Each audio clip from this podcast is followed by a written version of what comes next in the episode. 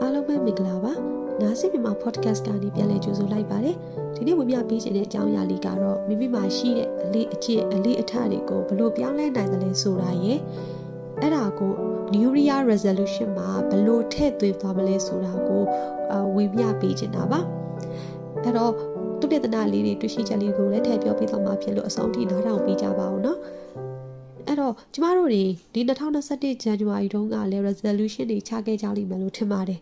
ခြေနေအရာ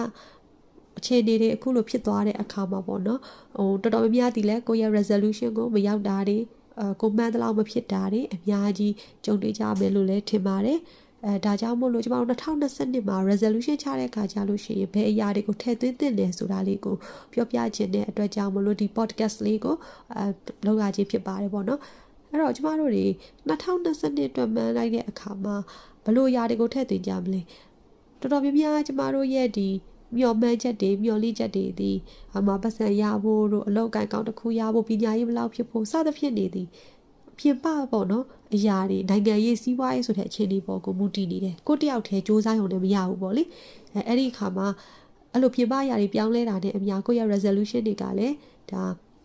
မဖြစ်မြောက်တာတွေဖြစ်သွားနိုင်တယ်လေအဲအဲ့ဒါကြောင့်မလို့ဒီ2022မှာဆိုလို့ရှိရင်ဒီလိုမသေးကြတဲ့အခြေအနေအောက်မှာဆိုရင်ကိုကိုကိုအပေါ်ကိုပို့ပြီးတော့မိတီနေတဲ့ကိုကိုကို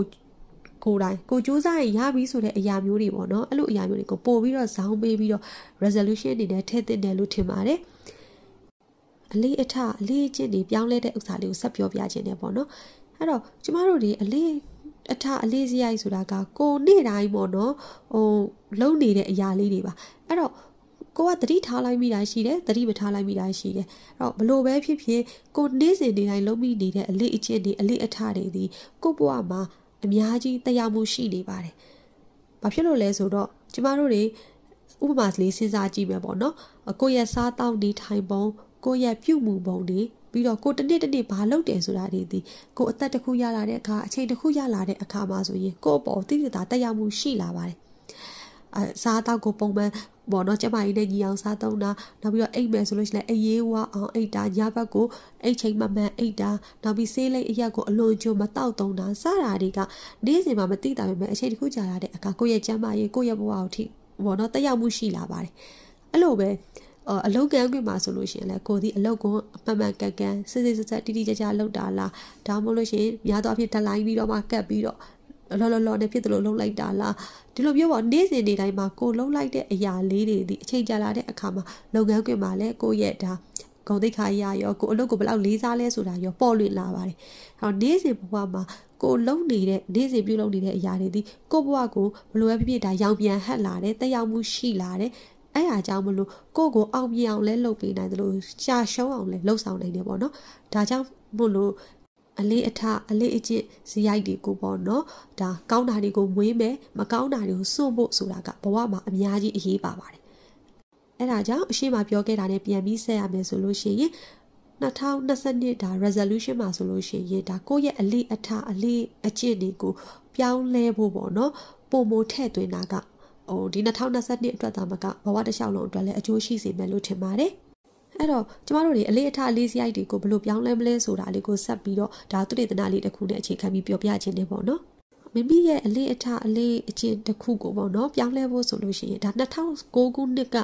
လောက်ထားတဲ့သူတေသနာဒါတကဘာလုံးကလည်းအခုချိန်မှာလက်ခံနေတဲ့သူတေသနာ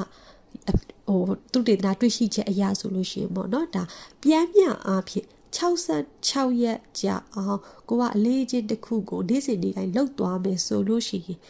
ဒါ66ပဲကြာတဲ့အခါမှာအဲ့ဒီအရာလေးသည်ကိုယ့်ရဲ့အမှုအကျင့်အလေးအထားအသစ်အနေနဲ့ဖြစ်လာတယ်လို့ဆိုပါတယ်ရေရှည်66ရက်ပြီးွားရင်ရေရှည်ဆက်လုပ်သွားဖို့တော့လိုတာပေါ့နော်ဒါပေမဲ့လည်းဆက်စချင်းပထမဦးဆုံးအစင်မှာဆိုလို့ရှိရင်အလေးချင်းကောင်တစ်ခုကိုမွေးမြူမှာပဲဖြစ်ဖြစ်ကိုယ့်ရဲ့ငကိုရှိနေတဲ့ဒါမကောင်းတဲ့အလေးချင်းတစ်ခုကိုစွန့်ပစ်တာပဲဖြစ်ဖြစ်ကိုက ဒါစလုပ်ဖို့ဆိုလို့ရှိရင်66ရက်မှာကိုကတတိကြကြတတိကြကြနေ့စဉ်နေ့တိုင်းဒါပြုတ်လောက်သွားမယ်ဆိုလို့ရှိရင်အလေးအထအလေးအကျင့်ဇယိုက်တစ်ခုအနေနဲ့ကိုနေ့စဉ်ဘဝမှာအစိတ်ပိုင်းတစ်ခုဖြစ်လာပါတယ်။နောက်ပိုင်းမှာကိုကကိုအစင်မပြေလို့ဖြစ်ဖြစ်အစင်ပြေလို့ဖြစ်ဖြစ်ဆက်လို့ဖြစ်တာမလို့ဖြစ်တာကတော့တပိုင်းပေါ့နော်။ဒါပေမဲ့ပထမဦးဆုံးအစင်မှာတော့ဒါဒီအာလုံးဝကိုကိုယ့်ရဲ့ဘဝမှာဟို အလေးချင်းကောင်တစ်ခုကိုမွေးမြူနိုင်ဖို့ဆိုလို့ရှိရင်66ရက်ဒီအလေးချင်းတစ်ခုကိုစတိုင်းလောက်သွားဖို့လိုတယ်အဲ့လိုပဲကိုကတချစ်တစ်ခုကိုမလောက်တော့ဘူးဒါကိုအတွက်ဖြတ်သင့်တယ်ဆွလွတ်သင့်တယ်ထင်လို့ရှိရင်66ရက်လုံးလုံးစူးစမ်းပြီးအဲ့အရာတစ်ခုကိုမလောက်ဖဲနေမယ်ဆိုရင်66ရက်ပြီးသွားတဲ့နောက်မှာဒါမလောက်ဖြစ်တော့ဘူးဒီဥစ္စာကကိုယ့်ရဲ့အလေးအကျင့်အနေနဲ့ဟိုစက်မတီရှိနေတော့ဘူးပေါ့နော်အဲ့ဒါလေးကဒါတကဘာလုံးကလည်းအခုချိန်မှာလက်ခံထားတယ်သိရှိထားတယ်ဟို ဥစ္စာဟိုပေါ့အဓိကတွေ့ရှိချက်လေးတစ်ခုလည်းဖြစ်ပါတယ်ဒါကြောင့်မလို့ဝင်မြပေးခြင်းဖြစ်ပါတယ်အဲ့တော့ဒီနားစီဒီမှာ podcast ကိုနားထောင်နေတဲ့မိတ်ဆွေတွေလည်း